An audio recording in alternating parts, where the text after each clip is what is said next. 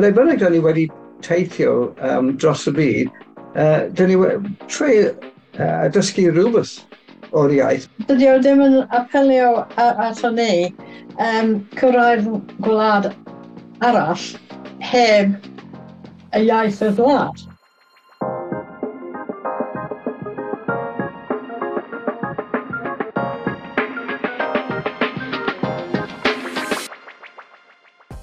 Helo a chroeso i hefyd, y podlediad am fywydau a phrofiadau dysgwyr Cymraeg gyda fi, Richard Nosworthy. Y mis yma mae dau westau ar y podlediad. Symudodd Barbara a Bernard Gillespie o Wolverhampton yn Lloegr i ganolbarth Cymru ar ôl iddyn nhw ymddeol. Yn y blynyddoedd ers hynny, maen nhw wedi dysgu Cymraeg ac maen nhw'n defnyddio'r iaith yn aml iawn. Trwy'r iaith, maen nhw wedi gwneud ffrindiau ac o'n nhw'n weithgar iawn mewn sel grŵp gwahanol. I ddechrau, nes i ofyn i Bernard ddisgrifio'r ardal ble maen nhw'n byw, ar y ffin rhwng Cymru a Lloegr. Wel, wel, um, da ni ar, ar, ar ac o rong um, clawdd offa fel petai, ar y dwy rhain i ddechrau. Um, yn ôl hanes yn 1064, uh, Cymru wedi argipio dar darfach o, o Fersia yn ôl i Gymru. Dyna wedi bara mwy na lai yn Gymru ers hynny. And, uh, yeah, the, uh, yn, yn agos at uh, Trefaldwyn, ydyn ni, dim beth i ffwrdd uh, fel uh, tair milltir dod o Trefaldwyn. Dim beth i bod o'r Trathlwm, neu um, uh, ar ddeg milltir i'r dre newydd. Ie, yeah, ie, yeah. ardal hyfryd iawn. A chi'n gallu gweld Lloegr o'r ardd, dwi'n meddwl? O siwr, wel. Wel, dweud y gwir, achos, wel, mae'n mae, mae, uh, mae ffyn jyst yn, yn mynd o gwmpas, uh, felly mae'n uh, mae'n gwirionedd, mae'n bosib, ia, um, i ein cyfeiriad i weld um, Lloegr, ond yn um, bennaf uh, uh, Cymru, sy'n para i'r dwyrain, er fod i'r gogledd, mae, ma, da ni'n sy, yn syth yn Lloegr. Mae'n braidd yn gymleth, dwi'n gwir. Ie, ie. A dwi'n cymryd gan bod chi'n byw ar ar y ffin fel bethau o'n agos iawn at y ffin. Uh, Dwi'n cymryd nad oes llawer o Gymraeg yn yr ardal, neu, neu oes, en, oes, oes, oes uh, Cymraeg yn yr ardal? Does dim lot, dweud y gwir. Um, just uh, chydig o bobl sy'n siarad Cymraeg. Ie. Yeah. E, efod, e, e, efo'r um, roedd rhaid i mi gasglu pres teg at y maif, uh, steddfod maifod yn uh, saith mlynedd yn ôl. Felly, fel canlyniad, uh, mi nes i cwr uh, rai pobl sy'n medru Cymraeg a wedi uh, cadw mewn cyswllt efo nhw, ers hynny, ond dim llawer o, o gwbl.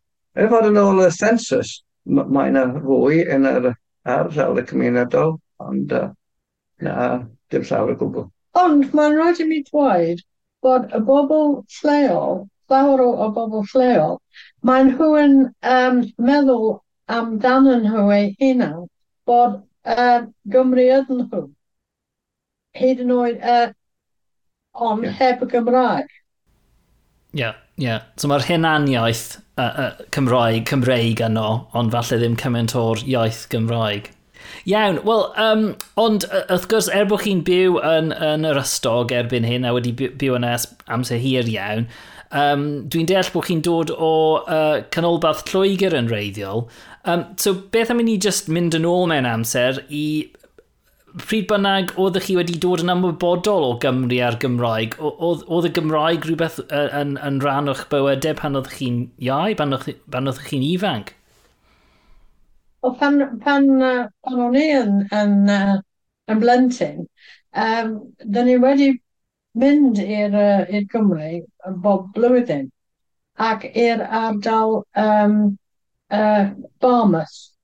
Bermo, ie. Yeah. Bermol, ond dwi wedi glwyd um, y iaith. Uh, a sôn, acos, acos bod rhai hen dynion uh, wedi siarad wrth i yn y Gymraeg. Acos mae hen dynion yn hoff iawn o... o plant bach. O plant bach. Mm. Ac felly mae nhw wedi... Um, uh, dwi'n cofio y, uh, y ci mae un ohonyn nhw wedi cael ci. Ac um, os bydd o yn, y, y, ci yn, yn neidio o gwmpas, mae nhw'n dweud, arddoswch yn dawel i'r uh, ci. Ac dwi'n dwi cofio mynd yn ôl i'r uh, carafan a dweud wrth uh, fy nhad, arddoswch yn dawel. So faint oedd, faint oedd dy oed di uh, yn y dyddiau yna, Barbara? O, um, saith o wis. Saith o wis. So nes di... cofio Barbara wedi sgwennu rhywbeth pan roedd yeah. ni'n dysgu i sgwennu creadigol yn y Cymraeg ac wedi disgrifio pan roedd hi'n tair oed yn croesi'r bont. Na, na dim tair oed. Wel, yeah. dim, dim rha mwy, ond croesi'r y, y, y bont i'r Bermo ac yn meddwl bod hi wedi, wedi cyrraedd um, gwlad y telwydd teg. ac os dwi'n roedd, ia, dwi'n deall pam, acos mae'n mae croes i'r pont yma dros y mawddwyr uh, yn just anhygoel i weld o adigwyr. Da ni wedi mynd yn ôl ers hynny, wrth gwrs. Wrth gwrs, wrth gwrs. A, a, a yn Wolverhampton oedd chi'n uh, byw cyn symud i Gymru? Ie, Uh, yeah, ro'n i wedi cael fy ngeni yn Wolverhampton. Roedd Bernard wedi uh, cael ei eni yn... Um, un, un, o, un o Lerpwl ydw i, o, o dros Wyddelig. Okay. Um, ond, ond yn blentyn, dwi'n cofio pan mi ges i baic am y tro gyntaf pan ro'n i'n uh, 40, ac yr amgen yn arfer oedd tri croesi'r tîn i Gymru uh, doedd yn rhywbeth fel 20 milltir ar y baic, a gweithio'r hyd at uh, uh, Llangollen neu rhywbeth fel yna yn, yn, yn y peter, ond yr amgan oedd y tîm. a wrth roedd yn bosib i weld y bryniau yn y pethau, o Lerpwl o'r Pierhead, dyna ni y, y, y, y, gwlad hyd a, le, a ledrith yn y pethau fel petai.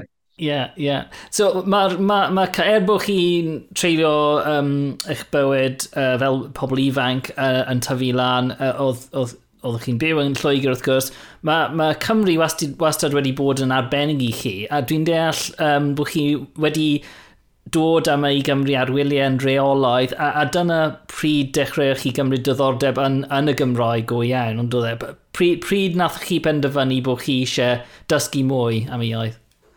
I, i mi yn arbennig, um, dwi'n credu, um, ac os roedd hi'n aros yn Cwm Cawr, sy'n agos at uh, Dins Mawddwy, uh, mewn bythyn o'r enw Tyn y Maes, ac mi aeth ni am o leia deng mlynedd, efo'r efo y bechgyn, bob blwyddyn yn ardd yn y allan o tymor y mis uh, Tachwedd. Tachwedd, ia. Um, a ar yr hollol Cymraeg, a dyna i mi oedd y sbarod i ni trio dysgu uh, iaith. Ble bynnag ni wedi teithio um, dros y byd, uh, dyn ni trwy uh, dysgu rhywbeth o'r iaith, beth bynnag, Mandarin yn China neu tipyn o. Quechua o okay, beth bynnag. Um, ond mae'n naturiol i, i feddwl am, am dysgu tipyn o'r iaith. Um, felly mi es i i dosbarth dosbarthiadau nos am dwy flynedd neu rhywbeth. And uh, heb lot o lwyddiant, dweud i gwir.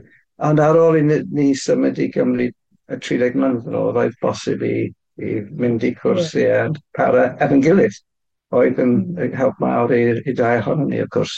Just i ddweud, um, dydy o ddim yn apelio ato ni um, cyrraedd gwlad arall heb y iaith y gwlad. Ie. Yeah. Felly dyna, dyna, dyna pam oeddech chi wedi dechrau dysgu felly? Oedd yn rhywbeth am parc, am a diwylliant, a deall y diwylliant? Ie. Yeah. Yeah, of course. Wel ie, yeah, roeddwn ni'n bob tro tri yn mynd i uh, cyngerddau, uh, cor corymeilion ar y fath o bethau. Um, ond dim ond ar ôl i ni symud, mi aeth ni i eisteddfodau yn arfer bob blwyddyn ac eisteddfod yr Urdd ac ati.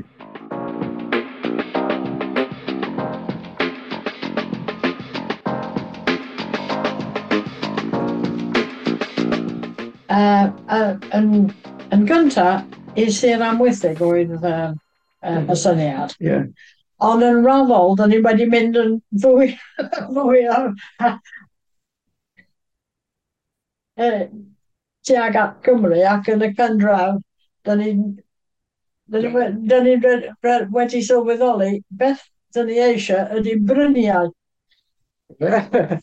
Ac diwedd y cefn gwlad, of course, hefyd. Yeah. Yr un problem i mi, uh, yn fy feddwl, roedd rhyw fath o bag yn i fy hun bod rhaid i mi dysgu iaith i osgoi bod rhywun yeah. arall sy'n just coloneiddio Cymru. Ond roedd rhywun, wel, lwcus wrth feddwl, um, mi aeth Barbara i cwrs yn ystod y dydd am uh, tar, tar blynedd um, i, i, i dechrau.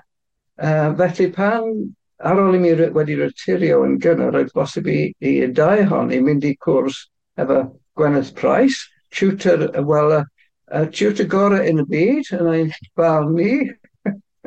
uh, rwan, dyffrw i um, uh, Comisiwn of the Iaith, y cwrs. um, and roedd y, y cwrs just o oh, benig o dda, digon intensif. Um, roedd yn un sort of, teimlo'n punch drunk braidd ar ôl dod yn ôl y grygynnag. Ac os uh, y safle yn, yn mor special ar un pryd, jyst i ddysgu, mynd allan yna lle, lle braf. Um, felly, er efo'n gilydd, da ni wedi uh, gwneud y lefel o, wel, debyg y lefel o. Wedyn ar hynny, um, y lefel A yn Cymraeg, a dyna oedd y sbad i ni datblygu mwy, ac os roedd rhaid i gwneud rhywbeth. Uh, fach o si, um, a, a rhywbeth oedd um, dechrau helpu i gwerthfawrogi um, yn y cogmaethrin lleol yn y Trallwm. Ac, ond, wrth gwrs, ar ôl yr er arholiad, mi parhaes i e, efo'r efer helpu'n yr un lle i, uh, i, uh, i just i helpu uh, plant y dyblygu y, y Cymraeg. A wedyn ar ôl hyn, hynny uh, yn yr ysgol Sil y Capel am pum mlynedd hefyd. A mae gen ni yr un fath o gysylltiad efo'r capel. Uh, felly mi fyddai'n canu yn y plygain yn, uh, yn ystod mis ragfyr ac, ac ati. So lot o pethau fel yna. Pwnc arall mae nhw'n wedi gwneud lot o bethau yn defnyddio'r Cymraeg. Felly pan nathach chi symud i Gymru, oeddech chi wedi ymddeol yn barod? Oeddech chi'n gweithio yr amser yna? Dwi wedi ymddeol yn barod. Yeah. Ac os dwi wedi um, ymddeol yn gynnar acos y salw. Ah, right. Ond, ie, yeah, yn acos i, dwi wedi, um, um, wedi ymddeol yn gynnar 55, uh, ond wedi para rhan amser ers hynny yn Wolverhampton fel uh, well, dros nos o'r uh, neu uh, efo'r tîm ar y gyfwng um, yr y gwasanaethau um, cymdeithasol. A dyn, dyna be oedd swydd chi, oedd uh, gweithio'r cymdeithasol um, yn cyn, cyn yeah, ymddeol? Ie, yeah, yeah. yeah, ro'n i uh, very fancy title. Um, Rhyf swyddog um, amddiffyn plant i'r dinas yn Wolverhampton. A be, am, a be amdano ti, Bob, a be oedd ti'n neud fel swydd? Athrawes. Athrawes, oce. Okay. Yes. Athrawes Brannig. O, oh, Ffrangeg, o oh, dawn, oce, okay. dwi'n gweld, oce. Okay. Ac, ac i ti hefyd, Bob, um, mae Bernard di sôn am y, y proses o ddysgu, a, a, sut, sut oedd hynny i ti pan nes ti symud i Gymru? Um, sut oedd, um, sut oedd y, y broses o dysgu? Dysgu Cymraeg, ie. Yeah. Yeah. Um, Wel, ro'n i'n meddwl am, uh, am that. Wel, yn gyntaf, roedd llawer o hwyl Yeah. Um, ac hefyd llawer o gyfaill garw. Ac os dyn ni wedi uh, gwneud yn ffrindiau uh, yn ystod y proses, ac, ac mae ffrindiau wedi parhau. Um, roedd, wel, tipyn mawr o waith caled hefyd, ac os, um, wel, does uh, dim un iaith sy'n hawdd. Um, ond, ond dwi'n falch iawn dwi wedi gwneud y peth. Ac os dwi wedi cael uh, llawer o'r, or broses. Dwi wedi, roedd um, 80 o cant yn bositif mm. am y broses. Ie, yeah, ie. Yeah. Ac oedd y ddau, y ddau ohonych chi, oeddech chi'n siarad nifer o ieithoedd yn barod? Oeddech chi wedi dysgu uh, Ffrangeg yn amlwg, Barbara, Bernard? Uh, oeddech chi'n siarad ieithoedd eraill cyn dysgu Cymraeg? Ie, mm, yeah, da ni, da ni wedi efo'n gilydd, jyst ar ôl i ni wedi priodi, roedd cyfres ar y teledu, dys, um, dysgu rwseg, rwseg, a cyfres o deg um, uh, deg, lessons neu beth bynnag. Um, a roedd, ie, fasa fo'n, yeah, deg, deg lessons, yeah. yeah. yeah. And of course, wedyn roedd deg eraill, wedyn roedd um, blwyddyn i gyd efo 30 uh, lessons, um, wedyn um, blwyddyn arall, wedyn blwyddyn arall. a ar ôl hynny, gwrs gwneud y lefel ar a Institute of Linguistics ac ati. Lefel R. Lefel R, sori, ie, ie. Um, ia, dyn ni'n, ac hefyd, um, dysgu Sbaeneg cyn, uh, cyn... Siw pryd, achos dyn ni wedi mynd i, i Sbaen cymaint. Uh, dyn ni wedi mynd, wel, efo'n gilydd trwy'r Uh, Nawr, dwi'n meddwl ar ôl, ar ôl yeah. dysgu Gymraeg, dwi'n meddwl. Roedd, yeah, yeah, well, roedd yeah, na, na, na, na, na, Yeah. Um, ond dwi wedi dysgu tipyn bach o Almaeneg, ond... tipyn bach, wedi pasio o lefel A, ydy y tipyn bach. Ie, yeah, dwi wedi pasio o lefel A, ond dwi, dwi ddim yn gwybod pam. Um, na, dwi ddim, yn, dwi ddim yn gwybod sut dwi wedi pasio. Os bydd rhaid i, i, i defnyddio Almaeneg, bydd rhaid i mi i siarad y iaith, ac dwi'n just gallu just stringio efo'n gilydd rhai geiriau.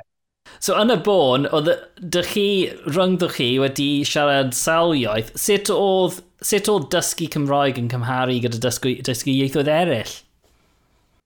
Wel, i mi mae'n hollol wahanol ac os roedd y, y, y tro gyntaf erioed fi wedi dysgu um, uh, dwi wedi dysgu yn y ffordd uh, Gwynedd.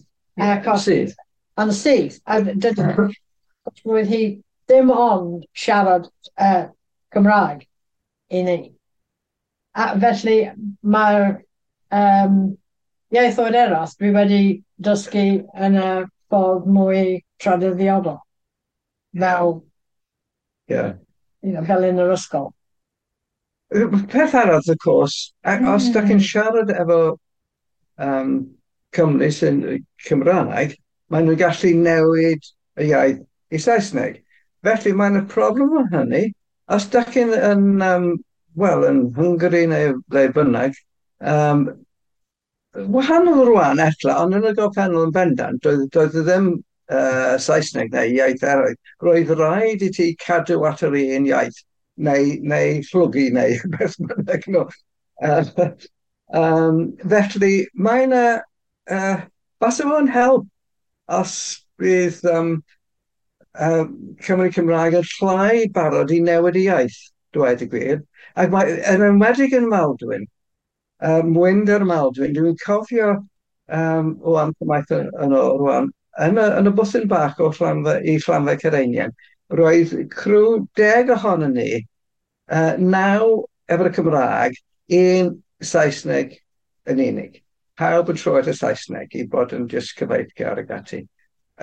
Dim fi, dwi'n barod bob tro yn y sefyllfa fel yna i cadw at y Cymraeg ac gwrtho. Wel, dweud etle gair, gair bach egluro, ond dwi'n credu mae'n y gyfrifoldeb a, a pobl i, i, i dysgu iaith y wlad yn syml hynny. Felly rhyw fath o extremist ydw i.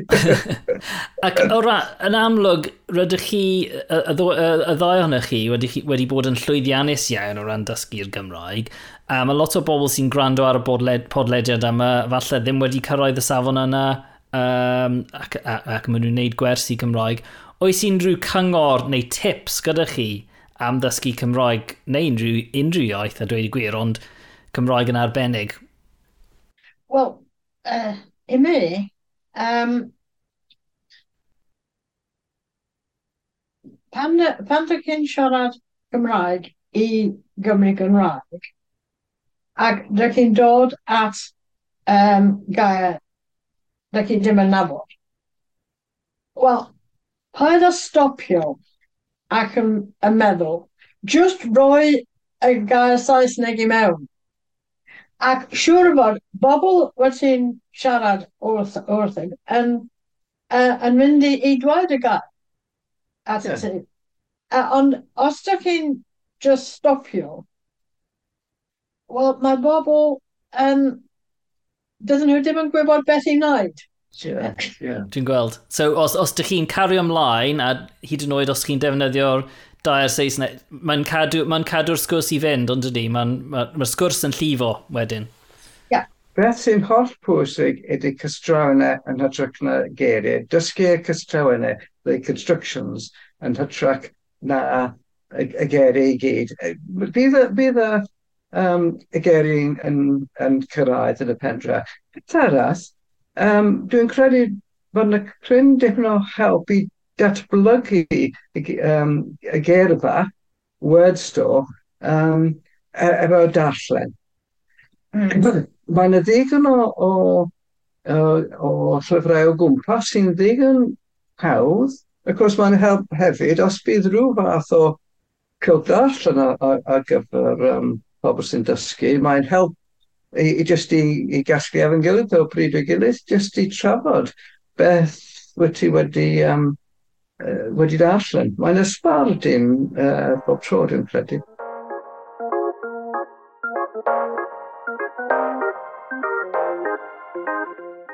Dwi wedi, um, mynd aelod y merched y wal yn y droi newydd. Hefyd, dwi'n um, uh, mynd at y Cymdeithas Cymraeg yn, yn y Trathnol, ond mae wedi marw rhywun. Um, uh, Ac oes Covid. Ac oes Covid, ie. Yeah. Ac hefyd, uh, roedd um, yn aelod y cilc darllen yn y uh, hen gapel yn Pont Robert. Dyna ni wedi ymuno ar y Cymdeithas Edward Floyd, a wedi, yeah. fi sy'n wedi arwain taith i'r cerdd. So mae Cymdeithas, Ed, Ed, sorry i dorri ar draws, ond mae Cymdeithas i bobl sy'n gwrando sydd ddim yn gwybod, mae Cymdeithas Edward Lloyd yn clwb neu clybiau cerdded trwy gyfrwng y Gymraeg dwi'n deall. Yeah. Wel, yeah, yeah. well, clwb cymdaeth natur, naturiaeth ydy o. Ma... Nid just cerdded. Ie, yeah, felly mae'n y pethau arall. Um, mae'n nhw'n mae nhw, mae nhw cyhoeddi lot o llyfrau ynglyn â'r byd natur ac ati. Um, felly mae'n mwy, ond y prif peth ydy bob, bob di sadwrn bydd uh, taithio cerdded uh, yn arfer. Uh, y tair taith dros, dros Cymru. Um, Mae'n lot o gwybodaeth ar, ar, y we, of course, ar y, ar y pwnc.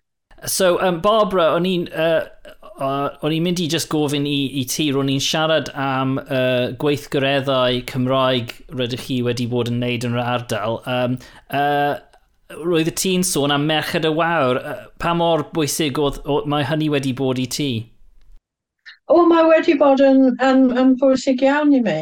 Uh, ac roedd um, Wel, roedd yn drist ofnadwy achos uh, mae wedi stopio yn ystod Covid. Um, achos, uh, wel, mae'n ma pwysig achos bod yn y Cymraeg, ac hefyd mae'n pwysig achos rwy'n mynd ar fy hen fy hun. Fel unigolion, nid fel... Fel, fel cwbl pa fath o bethau ydych chi wedi gwneud gyda Merched y Wawr? Pa fath o weithgareddau maen nhw'n cynnal yn yr ardal? Wel, mae yna... Um, well, dwi wedi cymryd rhan yn y, yn y cwis genedlaethol uh, dwy waith. Um, well, oh, um, mae yna dyna sy'n wedi dod ato ni i wneud rhywbeth yn ddiddorol iawn roedd ymarfer cwrs yn eistedd ar gyfer bobl um, uh, slai ifanc. ac roedd hwn yn, yn diddorol, acos uh, roedd eitha, eitha hawdd, ond ar ôl gwneud hynny, dwi wedi blino. Oh. Yeah. Um, uh, y tro ola o, uh, a tro ola, er enghraifft, roedd rhywbeth ynglyn â crefftiau. Uh, roedd uh, um, dwy ddynas a oedd uh, yn gwneud um, wiau fel Fabergé. O oh, ia. Yeah. Wiau. Uh, Wel, yn, yn, o, yn delicate ofnadwy. Yeah. Oh, gwych. So ydy, ydy Merched yn Wawr uh, ydy, ydy un peth da i ddysgwyr Cymraeg yn arbennig, pa mor, a, pa mor hawdd ydy hi i ddysgwyr Cymraeg mynd i Ferched y Wawr? Well, mae Merched, mae Merched y Wawr yn croesi, um, yn croesawu um, um, dysgwyr. Uh, ac mae nhw yn uh, gofalu amdano nhw. Uh, ar er enghraifft, un o un um, llywydd uh, roedd dysgwyr. Oedd oh. E, dywyd. Ie. Dwi wrth y fynd. Mae'n Cynthia a um, Diane hefyd. Ie, yeah, Diane. Wedi dysgu'r iaith. Wedi dysgu'r iaith. Ie, yeah, roedd, roedd um, yn y ysgol haf Grygynog, uh, un blwyddyn, uh, bobl wedi dod o'r Merched y Wawr i siarad wrth y dysgu. Ac roedd un ohonyn nhw, mae hi wedi marw rwan, um, ar, um, Arlis Lovegreen. Yeah. Ac mae hi wedi dweud, os wedi eisiau dod i gyfarfod, dwi'n mynd i aros amdano ti. Yeah. Ac yn mynd i mewn efo ti. Yeah. Ac uh, pethau fel hwn. Mm. Ac o hynny, dwi wedi... Um, mae hi wedi gwneud y peth. Mae hi wedi aros amdano i. Mm. Ac uh, dyn ni wedi mynd i mewn efo'n gilydd. Ac uh, ar ôl hynny, dwi wedi bod bron bob mis. yeah. Dyna'r peth yn ein profiad ni, hoff proses y, y dysgu'r iaith. pa mor uh, ma, bod yna cymaint o help yn, yn, yn barod i roi i pobl sy'n dysgu. Pawb fel, fel Iola Williams yn barod uh, i helpu Barbara, uh, a da ni'n siarad am uh, pan roedd hmm. o'n gweithio ar RSPB. Ac, uh, yeah, just, just... just nain... lleol sy'n um, dysgu Cymraeg. Um, os bod ti eisiau ymuno ar rhywbeth, mae pawb yn, uh, yn hapus i... Um, yeah. I dderbyn... Uh... Peth arall i ni i gyd y proses roedd lot o hwyl. Oh, uh, pwysig, bod ym, ymlacio tip yn bac am uh, dysgu pa bynnag y iaith yn hytrach na. Mm. Uh, mm. Yeah. Yeah. Um, just uh, or, yn olaf o ran y gweithgareddau, um, gan bod hi bron yn dydolig nawr, um, dych chi'n cymryd rhan yn y plygain yn, yn, yn lleol dwi'n deall. Um, dweud ychydig bach wrtho fi ac i bobl sy'n gwrando beth yw'r plygain a, a be dych chi'n neud uh, o ran hynny yn ystod uh, amser yn nadolig? Reit, wel, y traddodiad um, Carolau Plygain um, um, wedi aros yn uh, Sir Trefaldo daldwn yn unig um, blynyddoedd maith, um, wedi taddu allan o'r, um, wel, o leia 5 canrif yn ôl, uh, ond rwan mae'r addys o canu um, heb, uh, uh, heb, um, heb, heb gyfeiriant, ia, yeah, um, ble mae bob partion o gallu bod just un, o gallu bod o deg pobl ac yn canu uh, hen garolau. Mae'n y dyddiad bendant um, i, i ar gyfer pob capel neu eglwys neu beth bynnag yn dechrau yn gynnar um, mis Rhagfyr tan um, dydd Candlemas uh, gynnar um, mis Chwefro. Felly mae'n bosib i symud o, o, o blygain i blygain.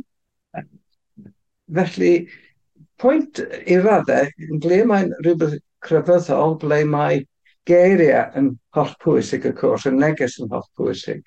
Ond ar un pryd, hyd y gwni, yr unig ffordd o canu gwerin go iawn sy'n taddu o'r pobl, cadw at y pobl, newid gan y pobl, uh, dydy ddim just rhyw fath o stael, folk music star, mae'n rhywbeth sy'n go iawn, sy'n sy dod o'r, o'r y dea fel petai. Um, ac dwi'n cofio gymaint o, o um, dwi wedi gweld pobl efo hen, um, hen llyfrau wedi sgwennu mewn pensil, y geiriau ag ati yn pawb yn just i e, edrych ar y uh, hen, um, hen notebooks neu uh, exercise books neu, neu beth bynnag, efo y, y holl geiriau sgwennu i lawr. Um, rwan mae yna mwy sydd wedi cyhoeddi. Um, a mae'n y, y ffordd o canu sy'n arbennig. Mae'n swnio yn wahanol. Ti edrych bod mewn maen y cu ag ati. Um, felly, rhywbeth os da chi'n gallu uh, i uh, pobl jyst i, i, i, just i clywed. Um, it's rhywbeth sy'n arbennig yr adl, yn yr ardal ni yn arbennig, wrth gwrs. Ie, yeah, yeah. dwi, dwi, wedi, dwi wedi clywed ychydig o, o carolau plygain. Um, mae un o uh, cyn gydweithwyr fi yn dod o'r ardal a wedi performio ychydig bach a mae'n swnio'n hyfryd, hyfryd iawn.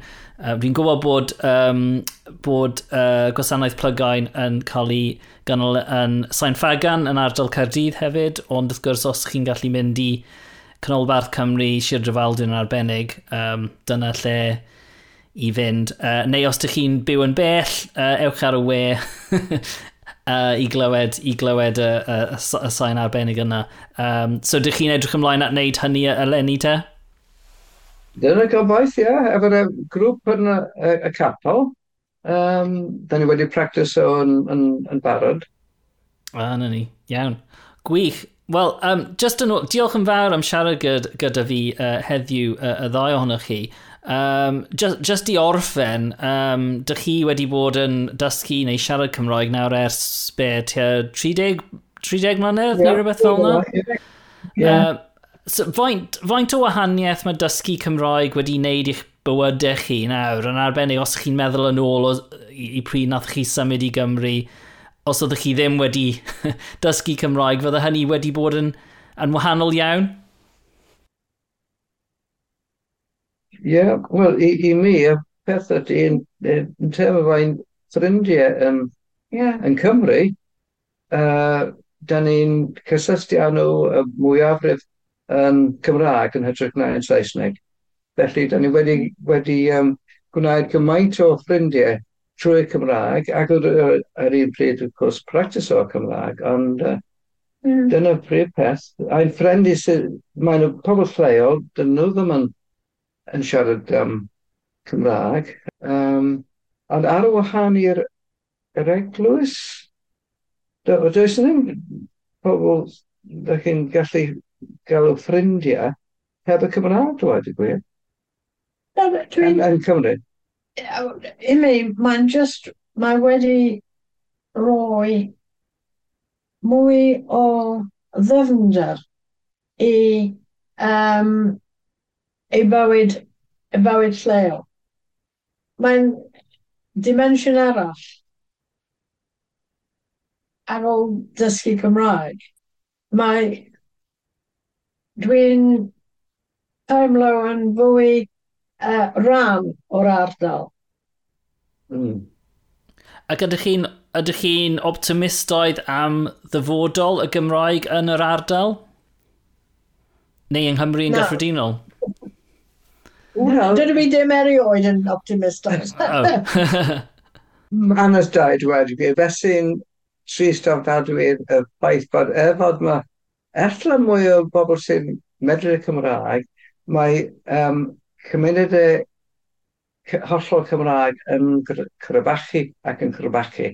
A does ddim digon cael ei gwneud gan y Llywodraeth i arbed. Uh, felly, dim gwaith mor pwrs i gynnadl fel, fel yn fan hyn. Er fod, of course, un peth sy'n da ydy uh, e, bod yr er enghraifft yr ysgolion yn ymestyn. Mae uh, Ysgol Cymraeg y Trallon rwan yn ymddangos yn llwyddiannus iawn. Um, ond mae'n... ma bobl ifanc sy'n... Ie, wel... Mae'n mewn... Dweud o bobl ifanc ar hyn o bryd. Y peldroed bydd y peth. Ie. Yeah. Peldroed. Pwysig, dwi'n mm. credu. Mae'n effaith ar y iaith a huniaeth Cymru mor pwysig. Ac y, y, y, y delwa dros y byd, y cwrs. Felly, efo'r ni, da ni wedi gwneud, trio gwneud pethau hybu y Cymraeg, um, bydd y peldroed yn y pendraw gwneud lot o les i'r iaith. Um, ac uh, beth sy'n pwysig yn y pendraw efo unrhyw iaith is, uh, ydy statws y iaith ac mae, mae uh, peldroed yn, yn codi statws i ei. Ie, yeah, yn sicr, yn sicr. Wel, diolch eto i'r ddoi ond chi yn siarad gyda fi, a um, pob hwyl am y dyfodol a'r holl gweithgareddau ydych chi'n neud, a yeah, dal, daliwch ati o ran y Gymroeg yn, yn yr ardal arbennig yna, a Nadolig Llawen. O, oh, Nadolig Llawen.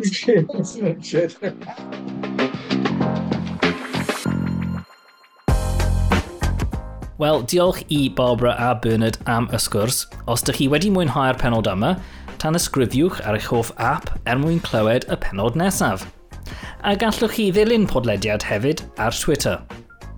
Wel, dyna ni am y tro, nadolig llawen i chi gyd, a diolch am rando a chefnogi'r podlediad trwy'r flwyddyn. Byddai'n nôl yn 2023, felly tan hynny, hwyl fawr.